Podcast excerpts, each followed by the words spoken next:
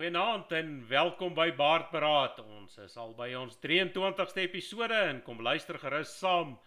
Ons het weer 'n nuwe komponent wat ons hoop ons luisteraars sal en ons kykers sal opgewonde maak. So luister gerus saam met ons hier by Baardberaad.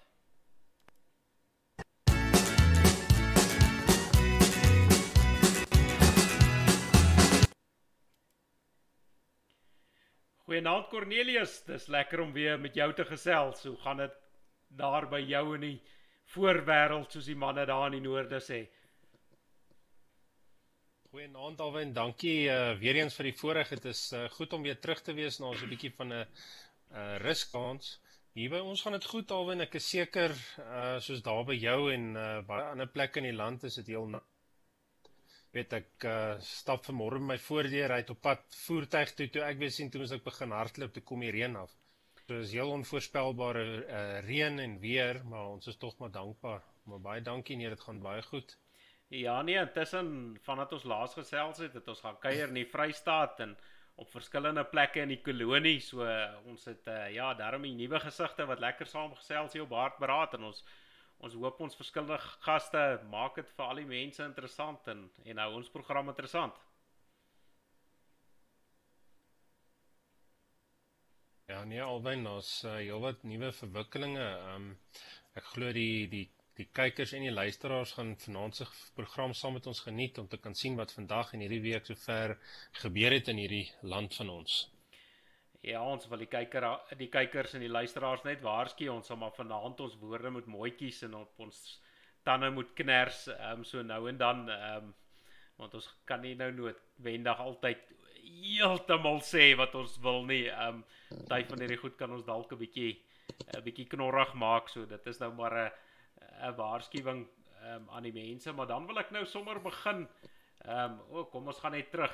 Ehm um, ja, Kerniels, dan wil ek net die mense weer herinner dat uh hier op die skerm kan hulle sien al die platforms waar Baardbraad nou beskikbaar is.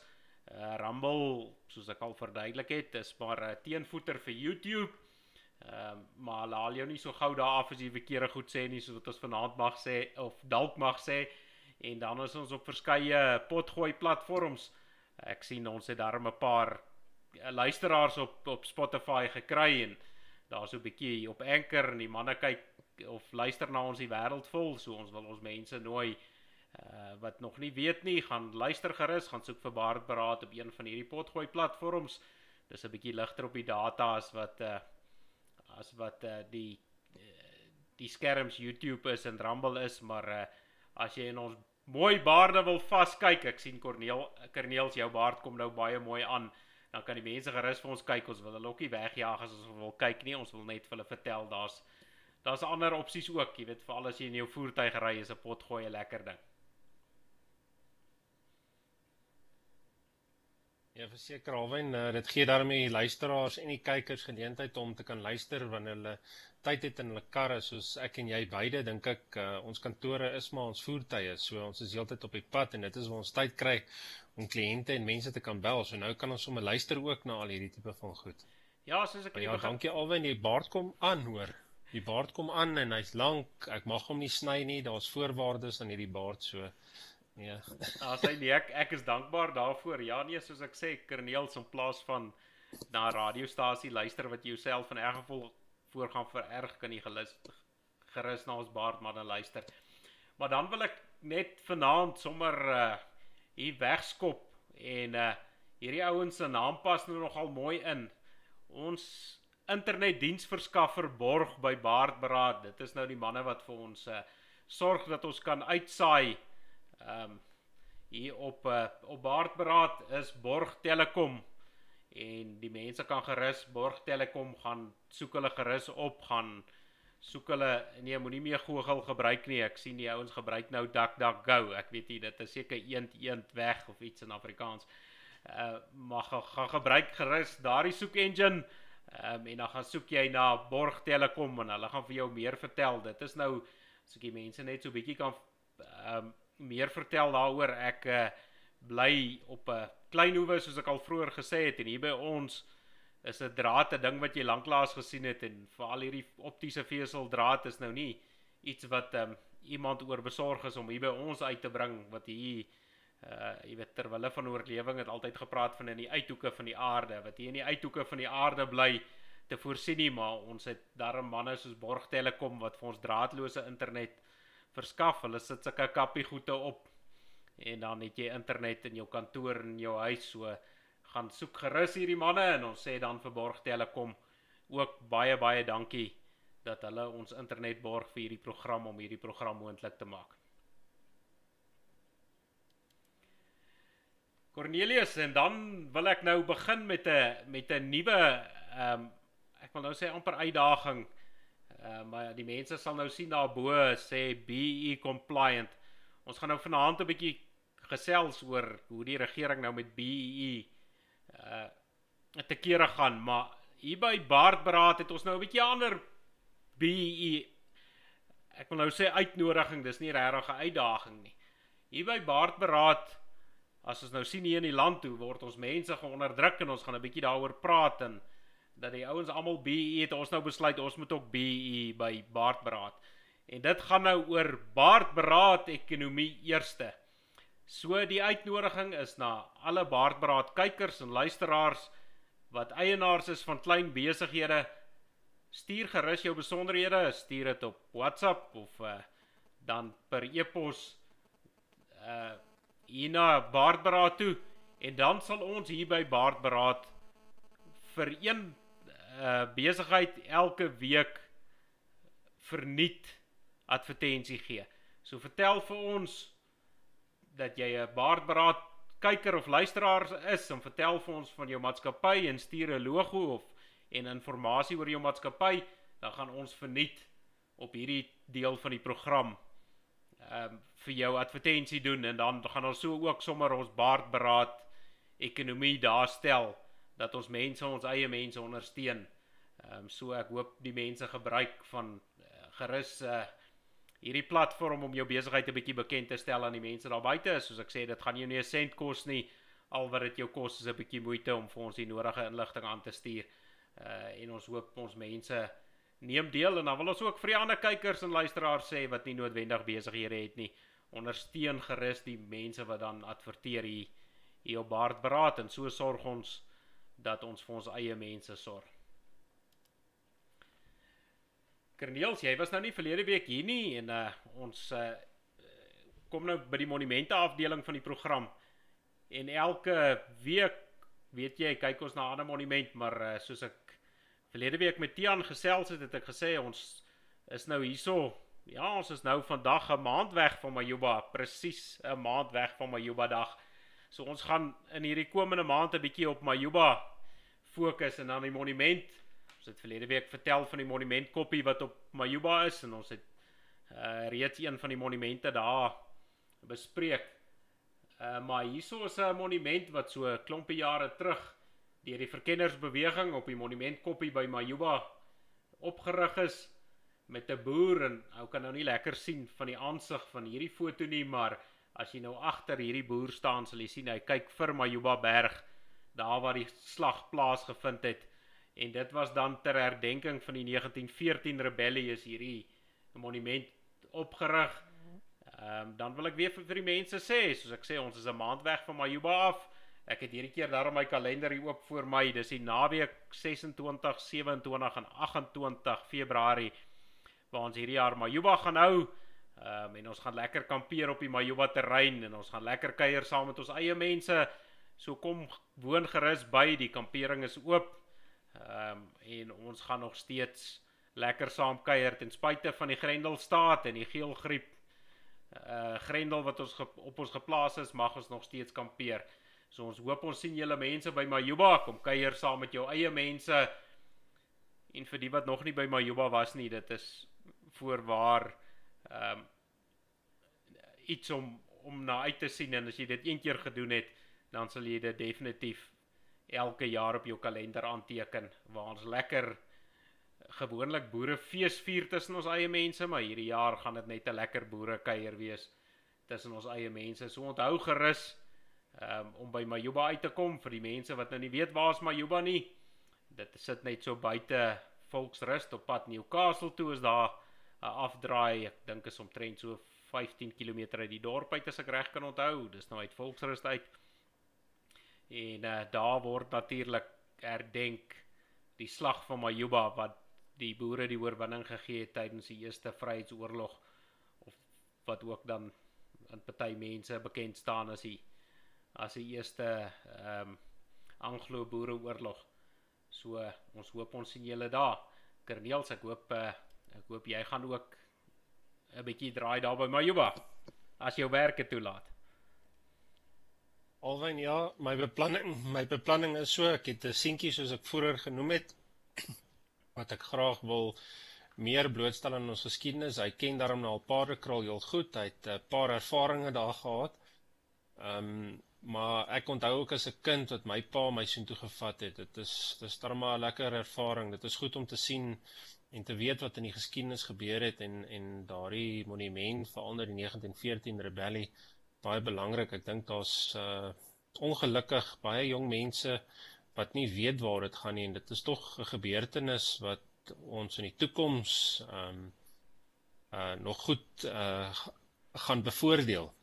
En dan Majuba natuurlik waaroor hierdie hele fees gaan. Dit is 'n wonderlike ervaring vir enige jong boere kinders om dit te kan meemaak en dit veral saam met hulle ouers te kan doen. Ek dink by al ons uh, boereouers uh, is dit belangrik dat julle julle kinders vat sodat hulle hierdie monumente kan gaan sien. Ayuba en een of twee van die ander monumente wat daar buite is, is nou nog gelukkig uh, persele waarna ons kan omsien. So doen nie moeite en dit is nie moeite nie, maar gaan gaan, vat julle families, vat julle kinders dat hulle kan sien waar hulle vandaan kom. Ja, Corneels, um, en jy praat nou juis van jy uh, jou seun is nou bekend met met Parakraal en Majuba was dan natuurlik 'n uitvloeisel van dit wat daar by Parakraal gebeur het. Ehm um, so ja, die geskiedenis ja, pas mooi in mekaar en as ou as ou die geskiedenis ken en weet waarna om te kyk. Maar dan gaan ons nou na een van my gunsteling afdelings toe, na die possak toe. Die mense stuur vir ons altyd interessante vrae. En Kerniels, ek moet sê ons moet vanaand mooi dink. Die mense het vir ons vanaand moeilike moeilike vrae gestuur. Ehm um, en uh, ja, ongelukkig is dit nou is dit nou ons beurt om hierdie te antwoord vanaand. Die eerste vraag uh sê beste Alwyn, met die nuwe entstof is daar mense wat beweer dat ons 'n zombie apokalips gaan ervaar. My eerste vraag is, hoe erken mense die verskil tussen 'n zombie en 'n liberaal? Um ek wil nou net ek wil nou sommer sê as ek nou hier voor op die wa kan wees, 'n uh, kerneels, ek ek weet nie Ek weet nie wat se verskil nie. Ek weet die ooreenkoms is dat nie een van hulle breine het nie of werkende breine nie, maar ek ek weet nie, weet jy wat se verskil? Nee, alwyn dit is ehm um, as jy 'n kenner is op die gebied sal jy dit dalk uiterlik raak sien, maar ek dink innerlik en en soos jy terwyl sê in die in die verstand gewys gaan daar nie veel van 'n verskil wees nie. So. Ja, of ehm um, dis 'n baie goeie vraag. Ek ek dink ons gaan moet 'n bietjie navorsing doen op daai vlak ja, om te sien wat die verskille wel is. ja, maar as as ek dit nou reg het, eet zombie nie 'n mens se grysstof nie. So is dit nie dalk het die zombies nou nie al klaar die liberales beet gekry nie. Ehm um, ja, dis dis nou 'n vraag. Ja, dit is dit, dit is nou dit is nou 'n oop vraag vir groot uh, bespreking want um, ek ek sien nog baie van die liberales daar buite rondloop. So ek weet nie dalk het hulle ek weet nie. Nee, ek ek weet nie alwyn ons sal dit moet ondersoek. uh, Jakker Deels, die tweede vraag is sê werk knoffel op zombies. En dit's nou kom van broers af. Alwen ek glo nie, ek dink hy het 'n beter kans om op corona te werk. Ja, die die knoffel, die knoffel ding het mos nou daai minister kop doek het mos op 'n stadium vertel knoffel en beet werk nou vir vir vigs. Ehm um, maar ek weet nou knoffel is dit nie die ding wat die wat die vampiere weghou nie. Ek dink dit werk vir vampiere. Ek weet nie of dit vir zombies werk nie. Ek uh, ek dink ek dink hierdie ou het het nou deurmekaar geraak met al die snaakse kreature. Uh, maar ek dink ja, as ek dit nie mis het, dink ek dit werk vir daai ouetjies wat wat in vlermuise verander. Ehm um, so nee, nee, knoffel gaan nie werk nie as ek nou moet moet my beste raai gee. Ek is nou nie ou wat so diep bekend is met hierdie tipe goede nie. Ehm um, die volgende ding sê, die volgende vraag van Stefan van Gansbaai. Sê albei die ding pla my. Daar is nou baie kleure op aarde. Ek ken nou nie almal se name nie. Maar nou ja, goed. Ehm um, en voor ons by sy vraag uitkom, wil ek nou sê ek dink is 'n vrou ding Kerneels. Ehm um, jy weet vir ons mans is daar kleure groen, blou, rooi, oranje, geel, wit, swart, jy weet daai daai goede. Maar dan kom die vrou vrouens uit met avokado, peer en appelkoos en jy weet dit is mos vrugte, dis nie verdomde kleure nie en en al hierdie snaakse goede en dan weet ons ken pink en dan maar kom hulle uit met cerise pink en lig man ek ken nie eens al die name nie maar ja nee ek vir ons mans is is daar nou nie ek dink ek dink is 'n man vrou ding maar nou vra is sê hy wat my vraag is wat is die kleur van 'n spieël? Ek bedoel nou nie wat reflekteer in die spieël nie, maar wat is sy eie persoonlike kleur? Kan jy dalk help? Kerneels, weet jy wat se kleur is 'n spieël? Nee, Alwyn, ehm uh, ek ek dink ek ek weet nie. Ek, ek hoop nie daar is 'n kleur nie want uh ek ek ons is seker aan veronderstel om te weet. Maar kom ons doen, noem dit maar uh Joh, uh krom. ek weet nie alleen. Ja, ek ek sou net baie graag wil weet die die skrywer, wat wil hy maak met daardie tipe inligting? ja, nee, ek ek weet nie ons het nou ja, moeilike vrae vanaand. Soos ek nou sê Stefan, as dit as ons nou vrouens hierso was, het ons miskien nou die antwoord geken op daai vraag. Ons ek sê ons mans ken net die basiese kleer. So die beste wat ek jou kan help as jy die spieël omdraai dan sy grys, maar dit is so ver soos wat ek jou kan help. Ek weet nou nie van die voorkant af wat se kleur is hy is hy speel nie.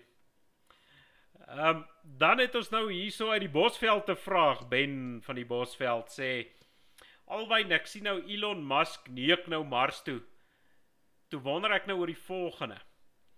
Kan 'n 308 skiet daar in die ruimte? Wat sal gebeur as mens met 'n ding op die maan skiet? Daar's mos niks wat daai gaan laat stop nie. Ek uh, Kerneels, ehm um, weet jy van buite ruimtelike goede? Ehm um, wat sal jy sê gaan gebeur met daai met daai 308 punt? Ja, alwen so 'n bietjie. Nee, hy gaan hy gaan nie stop nie.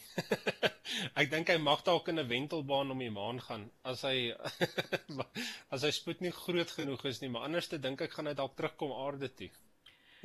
Ja, Kerneels, al wat ek kan sê is ehm um, ek weet ook nou nie heeltemal wat met daai punt gaan gebeur nie, maar ek dink daarom soos party manne in 'n jagveld ehm um, spog oor die verskote wat hulle geskiet het, dink ek op die maan sal hulle dit regkry want daar's nie swarte krag wat daai projektiel gaan laat val nie. Jy weet daar gaan die ouens miskien hulle 800 meter skote en al die verskote wat hulle so so mee spog. Ehm um, jy weet in 'n nul by die afstand sit ek dink ek dink jag op die maan is vir daai ouens hulle sal so ver kan kan skiet soos wat hulle sê hulle skiet. Ehm um, jy weet jy kry mos altyd daai daai paar jagters wat 'n wat 'n bietjie ehm um, hoe sal mens nou sê uh jy weet ver met die waarheid omgaan val langs 'n langs 'n bosveld vuur. Ja, jy kry jy kry jagters wat 'n uh, bok aan 'n kan die koppie raak skiet. So nee ek ek het gehoor Dis oortuigend. As hy dit dit is dan dan nou klaar met die possak en nou kom ons nou by ons besprekings uit vanaand. Ehm um,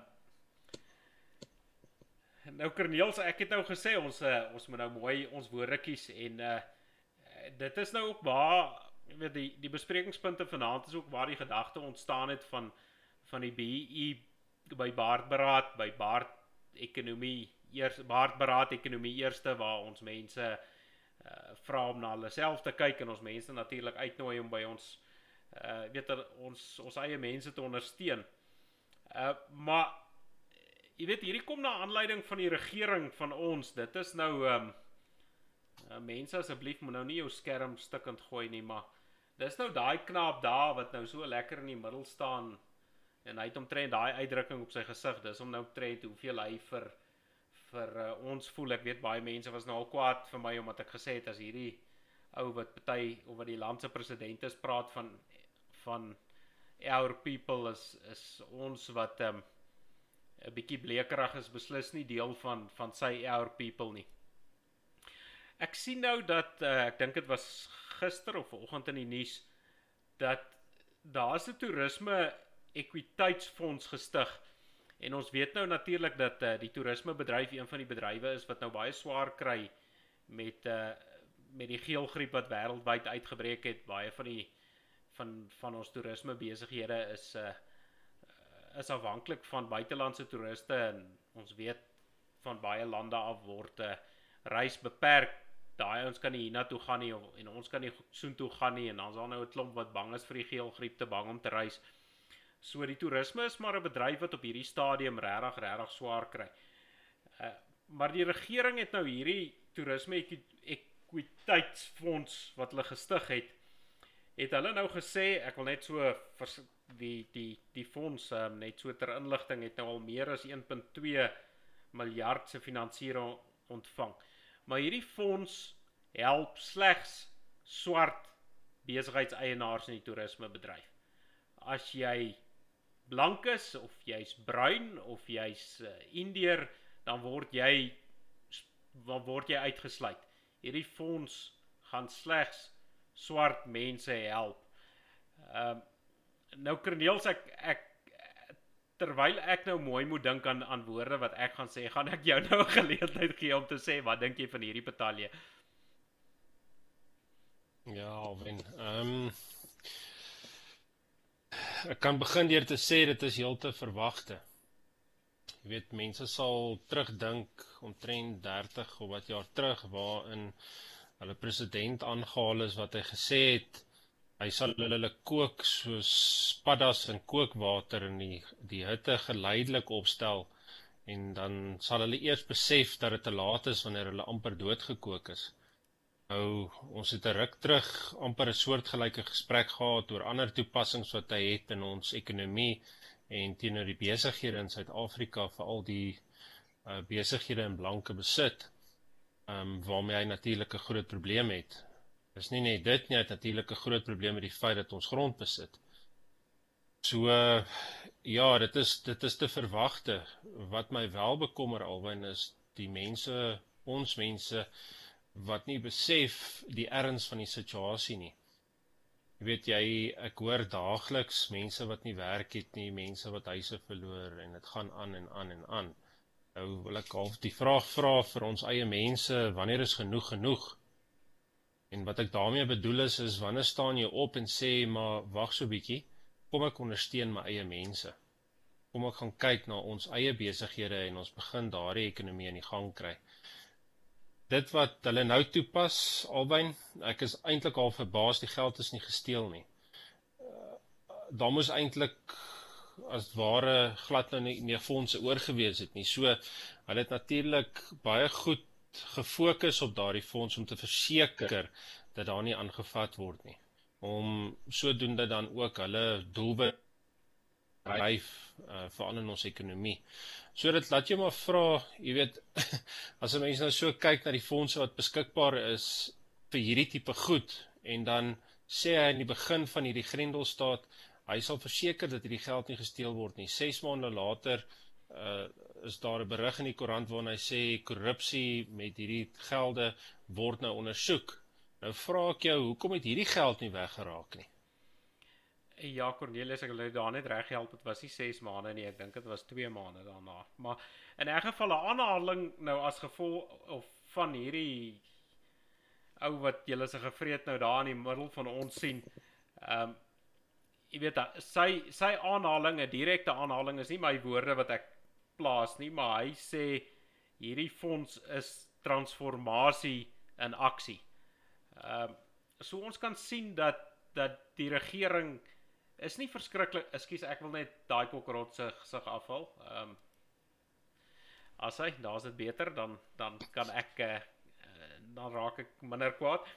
Ehm um, maar ons kan sien dat jy weet ons weet die ekonomie kry swaar, ons weet hoeveel werksgeleenthede het daar verlore gegaan. Ons het nou weer gelees dat uh die SA brouerye iets soos 550 werkers laat gaan het en dis as gevolg van van die regering se regulasies wat besighede onder laat gaan. Ehm uh, jy weet dan wat besighede laat swaar kry, maar nog steeds maak ekonomie nie vir hulle saak nie. Ehm um, jy weet velkleur speel 'n groter 'n groter rol en ek het nou vanmôre ek wil nou 'n bietjie met uh, met erkenning aan James Kemp. Um, ek het op sy bakkiesblad vanmôre gelees. Toe sê hy jy weet ons mense moet verstaan waaroor dit gaan. Hy sê indien daar 10 besighede is, to, 10 toerisme besighede. En 5 is in blanke besit en 5 is in swart besit. En slegs die 5 wat in swart besit is kry kry staatshulp en word gehelp deur hierdie fonds.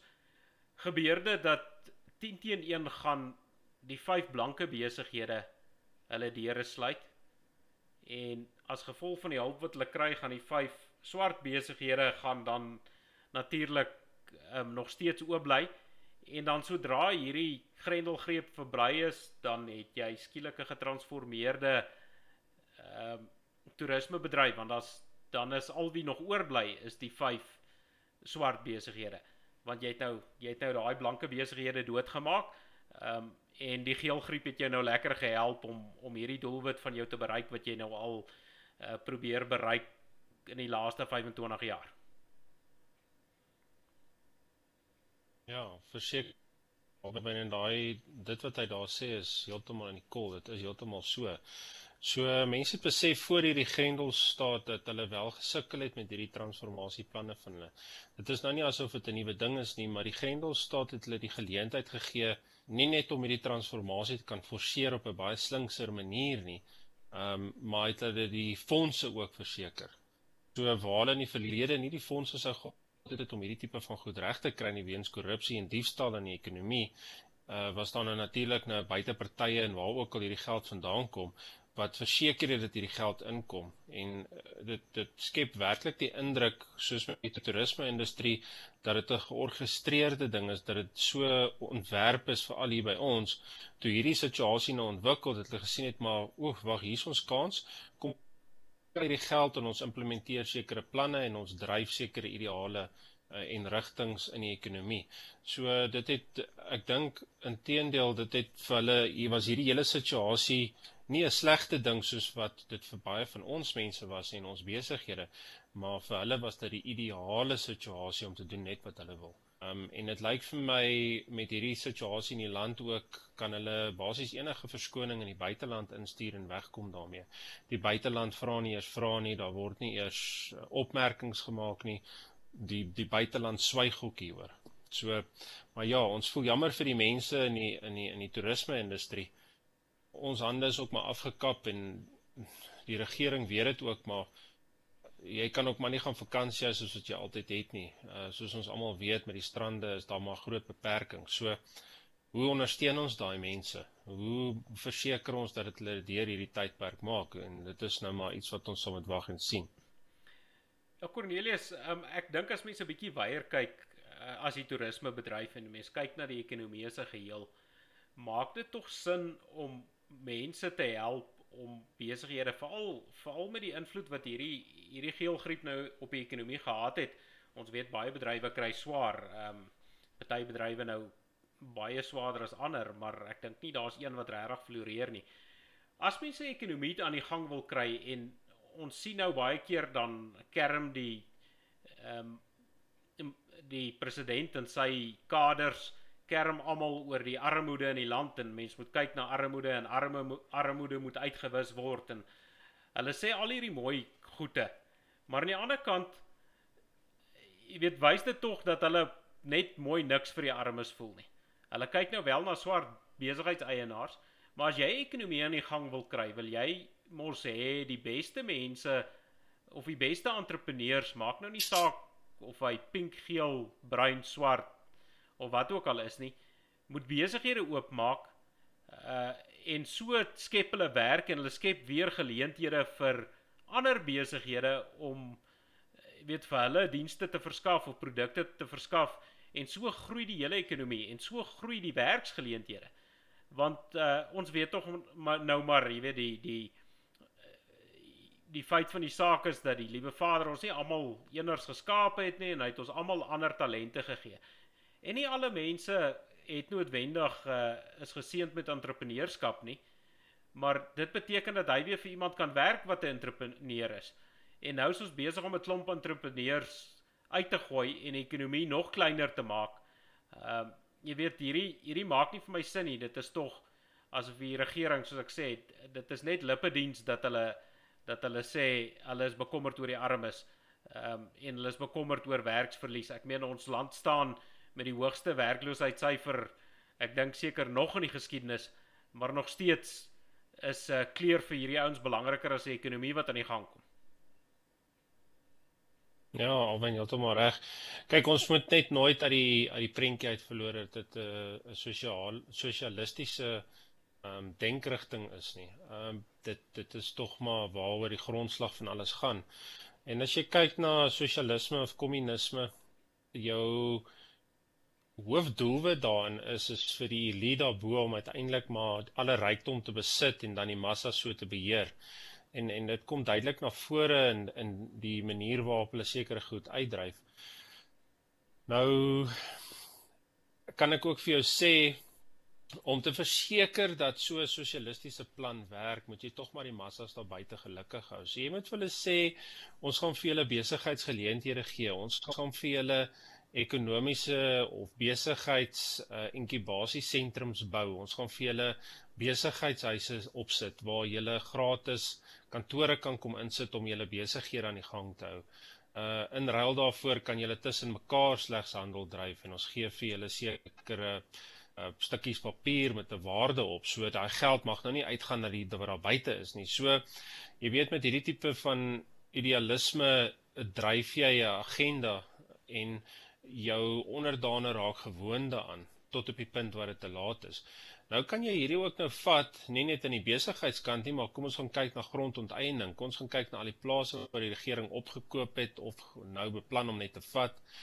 As jy gaan kyk na daai grond in 'n paai grafiek en jy gaan kyk hoeveel van hierdie grond in die land behoort aan die regering, dan gaan jy begin besef van meeste van hierdie grond wat hulle gevat het is nog in hulle besit. Dit is teruggegee aan die massas daar buite om te sê, hoor hierso hier's 'n plaas, hierso's vir jou geld, ontwikkel dit nie. Hier en daar het dit gebeur. Jy kan jy kan daai ouens so op jou hand tel of dalk vier hande. Maar jy sal agterkom dat die regering met 'n plan werk. So hy vat hierdie besighede, hy vat hierdie grond en uiteindelik word dit tog maar alles syne want hy is die een wat die lening gee vir dit vir die besigheid vir die grond. So sou die ou nou nie sukses maak nie, dan onteien hulle hom ook sommer vat al sy geld, vat al sy karre, vat al sy huise en dit word regeringsbesit. So as 'n mens agter die dieper plan gaan kyk, dan moet jy begin besef maar dis 'n kommunistiese stelsel, die einddoel is kommunisme en dit is dit is waar die probleem lê. So ons gaan kyk na die basislyn van wat besig is om hier te gebeur. En ja, ek kan nie dit die doel daarvan is nie om die massas daar daar buite geld te gee nie. Die die doel is nie om hulle te bemagtig nie. Die doel is uiteindelik om te vat dit wat hulle sinne is sodat hulle hulle self kan bemagtig. En dit is nou op die elites. Ja Cornelius, maar dis tog 'n gevaarlike speletjie. Jy het uh, jy het vroeg vroeër genoem, jy weet hulle moet die massas redelik gelukkig hou vir nou. Maar wat besig is om te gebeur, ons sien die staatskoffers raak al leer en en baie van hulle is al dol leeg. Maar hierdie ouens, eh, jy weet met die klomp besighede wat hulle nou toemaak, is daar enorme klomp belastinggeld wat wat net nie meer geïn word deur die regering nie. En dan weet ons met die klomp mense wat dan vir hierdie besighede werk, wat 'n inkomste verdien het, wat inkomstebelasting betaal het, die regering is ook daai fondse kwyt. En dan weet ons nou dat dat daar baie meer mense is wat staatstoelae ontvang as wat daar mense is wat belasting betaal. En nou maak jy hierdie prentjie net nog groter. Jy jy dwing meer mense om in die toelaarry te gaan staan as wat uh, belastinggeld jy inkry. So jy weet dit voorspel tog niks goed vir die land nie.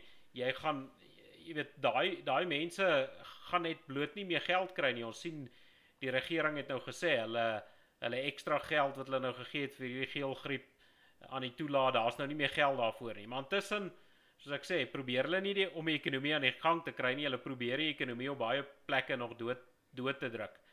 Ehm um, jy weet dit is dis dis mos iets wat in in my en jou denkrigtinge net nie net nie sin maak nie. Ehm um, ek ek hoor wat jy sê oor die einddoel is kommunisme. Ons weet natuurlik dis uh hoekom die grensoorlog daar was en en die ouens was aan die ander kant en daai tyd het ons maar hulle bestempel as terroriste en ons het geveg teen kommunisme in in my jonger dae nou ek dink is 'n bietjie voor jou tyd. Uh maar ek dink ons ons begin nou hierdie greep sien. Ek dink die mense begin nou sien en besef waaroor dit gaan. Ehm um, en en en wat kommunisme eintlik doen. Ehm um, jy weet ek dink dit word dit word rooier om ons by die dag. Ja, en, en dit is nou interessant wat jy noem met hierdie uh belasting en so. Nou moet jy ook onthou soos wat die besighede nou toemaak, nou raak jou soos wat jy terwyl sê jou jou belastingbasis raak al hoe kleiner en mense verloor hulle werke. Maar weer eens as ons die ideaal gedagte in in in oog gaan hou, dan maak dit vir jou half sin want on, ons sien in die laaste 2 weke of so waarvan hulle praat in die media waar daar nou ehm um, ek dink dit was 'n ryk ryk mans belasting gehef gaan word. So hulle het natuurlik besef reg, ons is nou op die volgende vlak. Ons het die onderste inkomste vlakke uitgewis. Hulle is nou totaal afhanklik van ons. So wat gaan ons doen? Ons gaan nou na die ryker mense toe, ons gaan na die groter ryker besighede toe. Ons gaan daardie belastinggeld gebruik om die massas daar buite te subsidieer om hulle afhanklik te maak van ons en ons gaan dit so ver dryf dat ons hierdie ryk mense en die ryk besighede, groot besighede daar buite ook tot op 'n vlak dwing dat hulle afhanklik raak van ons as staat. Nou die probleem wat ons hierso sin sien is met enige kommunistiese stelsel is hou net tot op 'n sekere vlak want as jy nie gelde het wat inkom in die land in nie dan kan jy nie daai stelsel volhoubaar implementeer nie. Jy kan hom nie in stand hou nie. En ek weet nie of hulle idealisme hulle blind maak en dat hulle hierdie probleem nie sien nie of het hulle ooreenkomste met ryk lande uh, het nou China wat ook al om in in daardie geval te sê maar ons sal vir julle geld gee dat hulle dalk ook nie besef dat China eintlik agter die grond aan is nie en dat hulle uiteindelik gaan grond moet weggee om geld in te kry om hierdie ideale van hulle te implementeer en konstant volhoubaar te maak nie. So alwen maar soos wat ons weet ehm um, en nou ook al baie gesien het ook maar soos wat ons groot geword het hulle ideale is nie 'n volhoubare ideaal nie.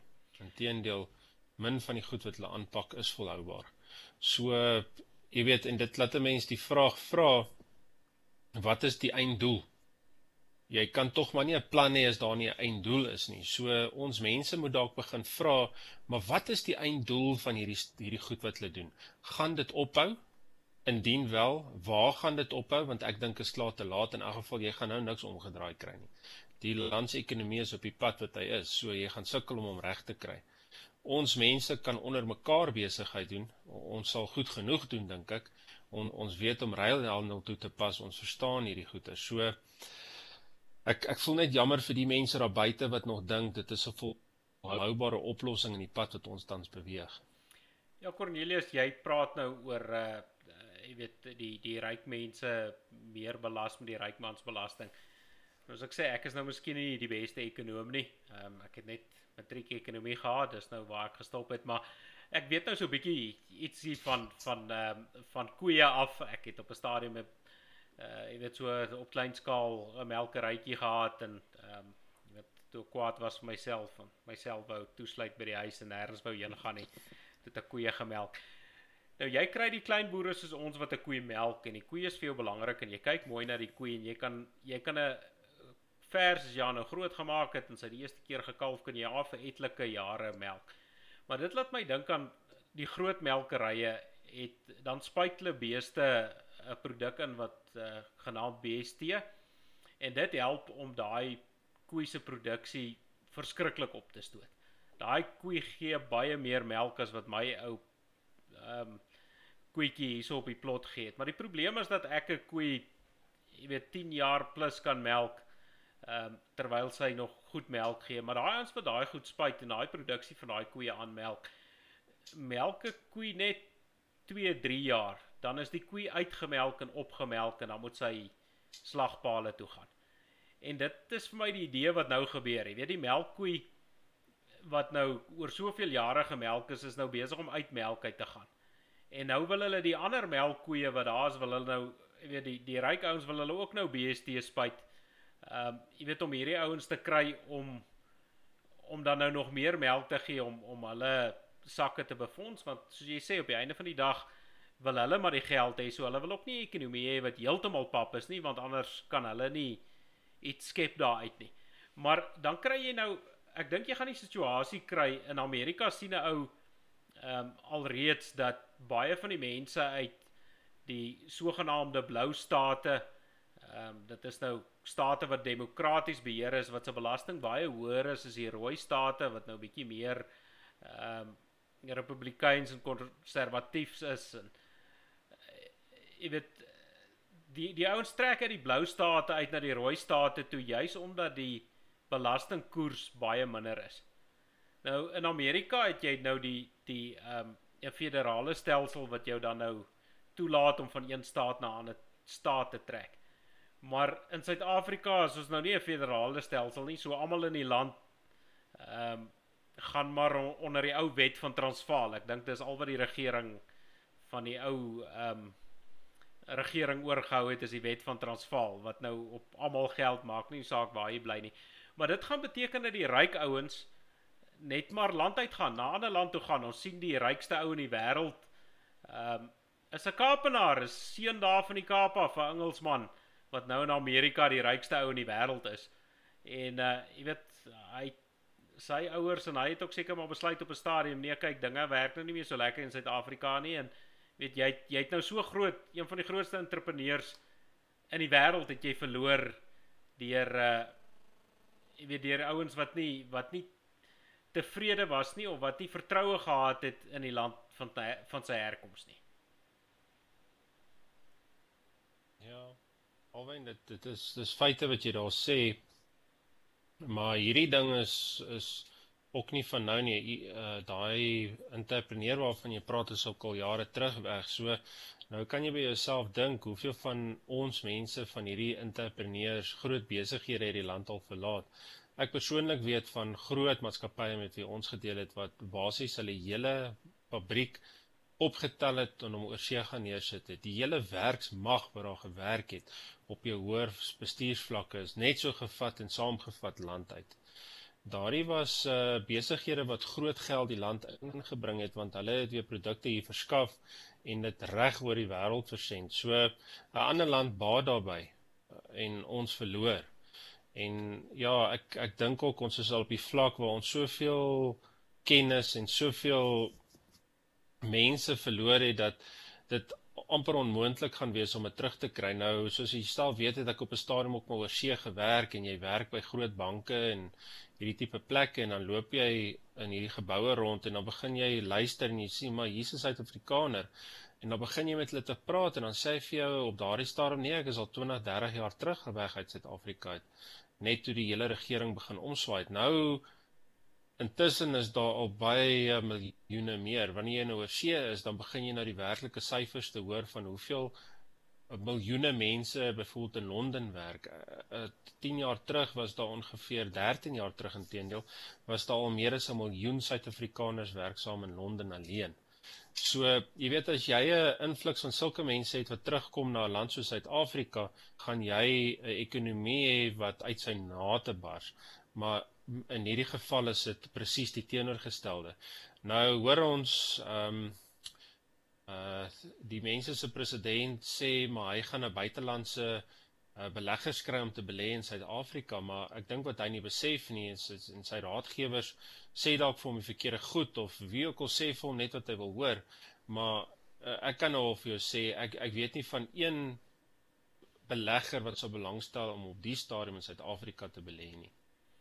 Ja. Ek ek weet nie waar hulle die inligting kry nie, maar ek sou baie graag wil weet waar kom dit vandaan. Ja, Cornelius, soos jy sê, vir vir enige buitelandse belegger kyk na 'n paar goed. En as jy kyk na na hier by ons die minimumlone wat die regering nou vir jou vertel hoeveel jy iemand moet betaal, maak nou nie saak. Jy weet wat is sy produktiwiteit nie. Hulle vertel vir jou hoeveel moet jy hom betaal. En dan die arbeidswetgewing wat dit baie baie moeilik maak om van 'n van 'n sleg onproduktiewe werker ontslae te raak. Ehm um, behalwe om om deur verskillende ringe te spring en sake en baie goed ehm um, jy weet te doen. Ek meen die die ouens ek weet nie wie dit gesê nie, sê die belangrikste woorde. Ek dink dit kan nog Trump wees nou voor hy ou Trumpie voor hy nog 'n uh, president van Amerika was wat gesê die belangrikste woorde in enige ekonomie is you're fired. Ehm um, maar in Suid-Afrika is dit nie so maklik om dit vir iemand te sê nie. Jy moet nou uithou in die ou blink lek en en en deur hoeveel goed gaan in arbeidsake en en en so dis jy weet hulle maak die die manier van besigheid doen maak hulle baie moeilik. Ehm uh, jy weet en op die einde van die dag jy weet glo ons ons is glo ons maar in 'n kapitalistiese stelsel. Ons glo dat die mark homself sal uitsorteer. Dit gaan oor vraag en aanbod. Jy weet ehm uh, daar's nie volgens my enige nut om 'n minimumloon voor te stel nie. Ehm uh, jy weet as 'n ou werk nodig het, veral met so hoë werkloosheidssyfers wat ons vandag het, sal 'n ou werk vir 'n loon wat hy aangebied word en as as jy te min aanbied, dan sal jy bloot net nie werkers kry wat vir jou gaan werk teen daai loon nie. So dan gaan jy jou loon moet opstoot outomaties.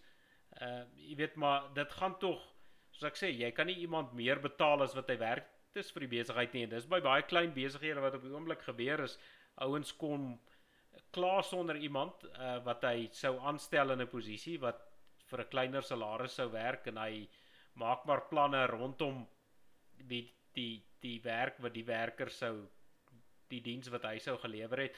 Ehm um, net omdat hy gaan sukkel om van die ou ontslae te raak of of dit net nie die moeite werd is om iemand vir daai prys aan te stel nie. Ek meen in groot maatskappye is dit miskien makliker, maar in klein maatskappye is ek sê ons almal gaan gedruk onder hierdie geelgriep grendel pes wat die regering op ons afgedwing het. Ehm um, en dit maak dit dan baie moeilik om om uh, nuwe mense aan te stel. Uh, jy weet want jy kan eerstens nie van hom ontslaa raak nie en en soos ek sê tweedens is is dit vir baie klein besighede net onbekostigbaar om iemand aan te stel. Ja, dit is alwen en jy weet ek ek dink altyd uh wanneer hulle begin praat oor hierdie minimumlone en natuurlik die mense wat jy nou nie kan afdank wanneer hy nou werklik nie sy werk kan doen nie. Ek sê nie dank sommer net enigiemand af nie, maar jy weet jy het as 'n werkgewer 'n sekere mate van vryheid nodig om te kan doen wat jy moet om 'n besigheid te laat oorleef om die mense wat bereid is om te werk hulle inkomste te laat verdien. Ehm um, dan laat dit my dink aan die beginsel wat hulle toepas ook maar met uh, tigtiging van kinders, so iets dit nou by die skool of by die huis is. Weet daai beginsels loop hand in hand. Jy kan nou nie meer jou werknemer tigtig wanneer hy aanjaag nie en jy kan ook nou nie meer jou kind tigtig wanneer hy aanjaag nie. Jy moet nou mooi praatjies praat. Uh anders te gaan jy nou maar in die hof staan en moet verduidelik hoekom jy nou ander mense nou eintlik wil beskerm en hoekom jy jou kinders wil reg opvoed. Jy weet so wat reg is is verkeerd en wat verkeerd is is reg. Uh alles is heeltemal kop onderste bo omgekeer. Alwen ehm um, Ja, hierdie is nou 'n situasie wat baie lank al kom en ongelukkig ons geslag in die tydperk waar tydvlak waar ons is is nou opgesaal met hierdie probleme. So die vraag is maar net hoe gaan ons as uh, besighede hierdie tydstip in hierdie ekonomie oorleef? Nou met minimumlone het jy nou natuurlik die volgende probleem. Met die Grendelstaat tydperk het jy ekonomiese inkrimping gehad. So met ander woorde, jou besighede daar buite het eerstens 'n baie groot omset inkrimping gehad. Sy marges wat hy gehef het uh, op sy produkte, arbeid, al daai tipe van goederes het verlaag. Maar die regering hou aan om die minimum salarisse op te stoot. Nou weer eens moet jy gaan sit en by jouself dink maar hoekom hoekom is dit so? Is dit nie maar tog so ontwerp om te verseker dat ons ondergaan nie? uh om te verseker dat ons swaar kry nie. As dit 'n regering was wat werklik omgegee het vir die ekonomie, sou ons gesê het uh menere, die besighede daar buite, ons sien die swaar tye waardeur julle gaan. Kom ons hef hierdie minimum salarisse op vir 'n tydperk al is dit net tydelik of kom ons verander hierdie minimum salarisvlakke kom ons help om mense werk te gee daar buite maar die die denke gaan nie so ver nie hulle denke gaan oor kom ons pas BE maatreëls toe. Kom ons versterk hierdie regulasies om te verseker dat daar nie geld na blanke besighede toe gaan nie. So kan jy dit werklik sien as 'n regering wat omgee vir besigheid, vir ekonomie of selfs vir sy eie mense? Ehm um, dit is die vraag wat ons moet begin vra. Maar ook baie belangrik is ons moet hierdie tipe vrae begin uitdra aan die massas daar buite sodat hulle ook die vraag kan begin vra. Want dit lyk vir my hulle word die hele tyd 'n propaganda gevoer en hulle dis al wat hulle hoor. So dalk moet ons nou maar wanneer ons daar in die strate is, nou maar hierdie vrae aan hulle begin vra en kyk wat sê hulle. Ja, dis nou soos jy sê, ek weet nie of hulle net so kontak verloor het met die mense, is dit maar Maria Antoinette wat gesê het, maar ehm um, as die mense daar buite nie brood het nie, hoekom gee ons hulle nie koek om te eet nie? Jy weet, en dit is half ook 'n uh, jy weet omdat omdat dit so goed gaan met hulle, dan dink hulle nie daar's mense wat swaar kry nie of uh, jy weet hulle verstaan nie die probleem nie. Maar dan nou ook net om nog 'n voorbeeld te noem eh, oor dit waaroor ons gesels het en dan wil ek nou hierso amper hierdie gesprek mee afsluit as ek so na die tyd kyk. Ehm uh, jy weet die regering het dan nou ook hierso eh, binne die laaste week het hulle nou verduidelik dat hierdie geelgriep en stof wat nou inkom, dit is nou die wat nie gesteel word nie of uh die wat nou is as hulle dit uiteindelik betaal en dit kom in die land aan, ons weet nou die regering het 'n paar keer gemis om te betaal. Maar hulle sê dan hierdie geelgriep en stof mag net deur swart maatskappye ehm uh, versprei word. So nou dink ek jy weet eh, as mens sien die korrupsie wat aangegaan het met die regering en ons weet party hoe dit met party gaan, dan wonder ek hoeveel van hierdie en stof by die mense gaan uitkom. Maar nou wil ek nou ook maar net sê as uh daai en stof uh in 'n geval was ek nou nie verskriklik van plan om om om die ding te vat nie, maar as hy dan ook nou net deur 'n swart maatskappy ehm um, versprei mag word, dan 'n liewe meneer die president vat daai entstof en druk hom in jou arm op. Want ek gaan hom dan nie vat nie.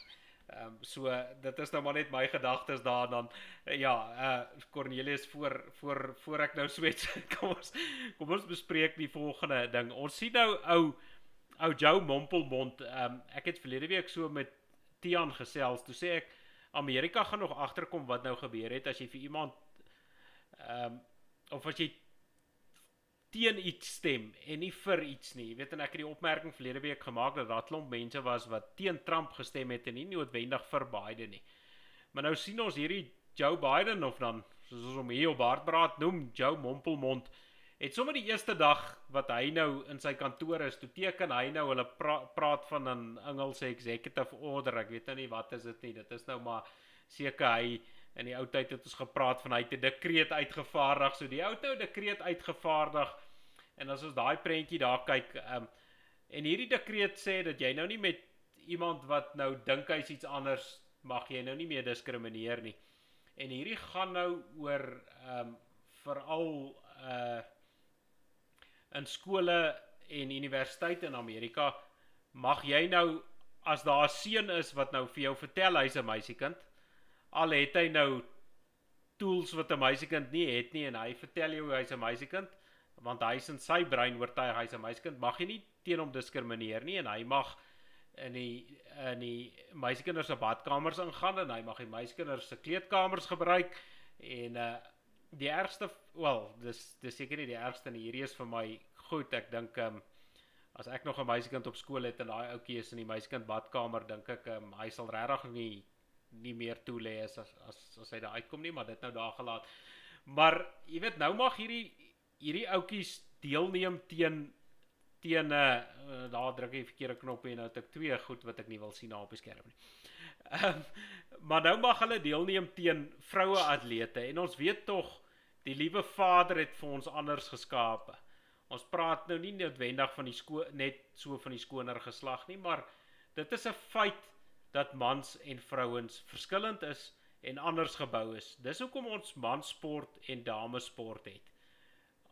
Ehm um, en hy het dit nou basies nek omgedraai want enige ouetjie wat nou sê, jy weet hy is nou so middelmatige atleet en hy sien die ander seuns hardloop nou van hom weg En nou vertel hy vir jou hy's 'n meisiekind want hy hy weet daarom hy gaan vinniger as die meisiekinders hardloop. Ehm um, jy weet dit is tog 'n sottelike besluit. Jy weet ek ek ons praat oor ons regering wat wat besluite neem wat ons nie kan verstaan nie, maar dit gaan tog beteken dat jy later ehm um, ek wil nou sê 'n mans A en 'n mans B span gaan hê. Al verskil is 'n uh, die tweede klomp gaan 'n rompies hardloop. Miskien wel hulle hardloop nou nie meer rompies nie, maar maar jy verstaan wat ek sê. Ehm um, jy weet jy gaan 'n jy gaan 'n mans A en 'n mans B afdeling hê want jy gaan nou 'n klomp seuns hê wat wat teen meisiekinders gaan deelneem en jy gaan meisiekinders ehm um, net die die geleentheid ehm um, ontneem om om enigstens te verskoon my om enigstens te presteer in sport. Ja, want jy weet, praat nou van om uh jou jou sosiale omgewing heeltemal te ontwrig en alles onderste bo te gooi. Nou dit is seker net die mees perfekte voorbeeld wat jy kan gee, maar nou om daar by te voeg is ek gaan die vraag vra kan hy tel want ek het 'n video gesien hierdie week. Hy's erger as Zuma. Hy hy self sy land se populasie syfers verkeerd gekry. Ehm um, dit is afgeronde syfers soos verkeerd.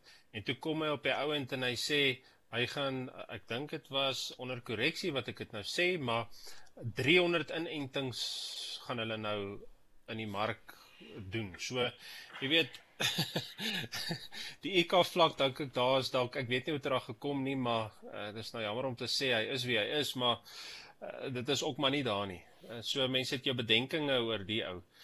Ehm uh, maar dit soos wat jy reg sê alwen daar daar is nie logika daarin nie. Hoe hoe kan jy verwag die arme arme dames om te presteer en werklik te wil deelneem aan daai sportsoorte wanneer hy 'n wet afvaardig wat sê maar daar is nou geen meer verskil nie. Wat dink hy gaan hy in die omgewing daar buite vir al die sportwêreld doen wanneer so iets gebeur? Dit gaan die vroue sport totaal uitwis ja, geen vrou gaan teen 'n man wil meeding eh, tensy sy nie wil nie.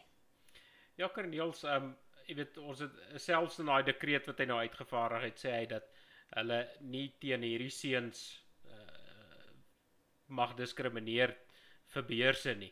Jy weet so as daai seun sê hy's 'n meisie en uh, hy's nou 'n goeie atleet, dan moet hy 'n meisie beurs kry. Ehm um, jy weet in die begin vertel hulle nou nie 'n uh, vrouens is nou so vir hulle belangrik, maar lyk my nie dit is verskriklik belangrik nie. Nou wil ek net weer hierdie prentjie oopmaak. Nou daai knaap wat daar hierdie meisiekind so in 'n wurggreep het. Hierdie is nou nie 'n 'n speel speel storie nie. Dit het regtig 'n paar jaar terug gebeur toe Amerika begin eksperimenteer het met hierdie malligheid. Ehm um, voor dit nou stop gesit is en wat nou sommer op die eerste dag weer hervat is. En hierdie ouetjie het absoluut gedomineer in stoei.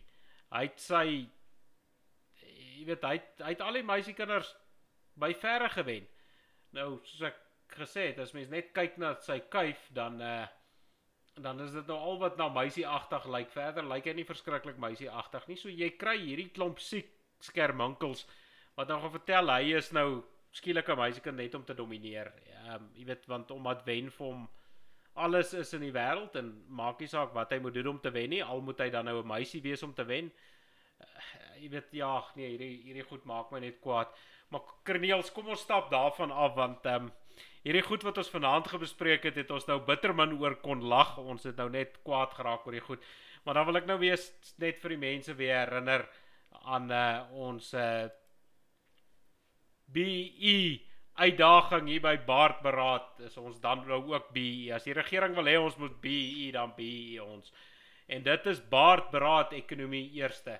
So asseblief besigheidseienaars daar buite wat na Baardberaad kyk of Baardberaad luister, ehm um, wel jy gaan moet kyk vir die luisteraars sal ek seker moet sê, stuur 'n e-pos aan baardberaad@boermedia.co.za of stuur dan 'n wat sê die A boodskap aan 082 940 8825 met inligting oor jou besigheid, wat jy doen, 'n besigheidslogo of so en dan gaan ons vir een besigheid elke week verniet advertensie gee. Dit gaan jou nie 'n sent kos nie, maar ons gaan vir die mense vertel van jou besigheid. En ons wil vra dat dit verkieslik klein besighede is ehm uh, en dat die baardberaad luisteraars dan ook die die besighede wat hier gaan uh gaan adverteer sal ondersteun dat ons ons eie mense sal ondersteun dat jy kan sorg dat jy nou nie net die paar besighede wat hulle wil laat oorbly in die ekonomie nie ehm um, jy weet laat oorleef nie. Ons ons moet na mekaar begin kyk en so kan ons mekaar help ter wille van oorlewing ter wille van ons almal se oorlewing.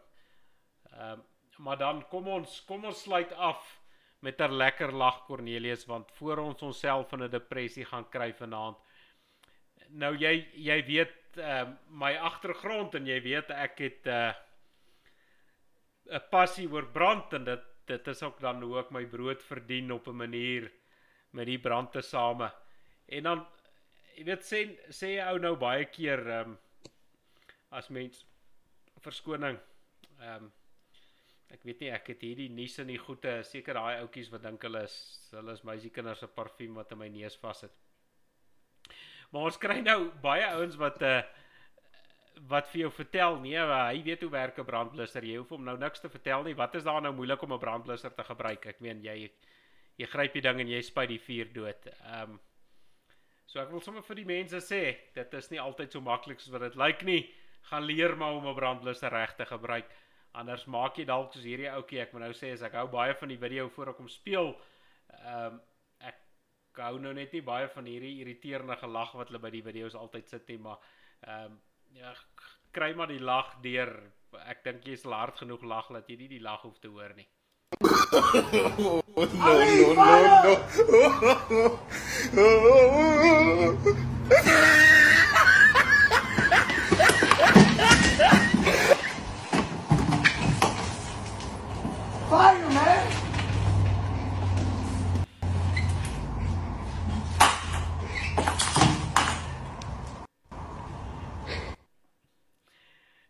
En dit dames en here om 'n no, no.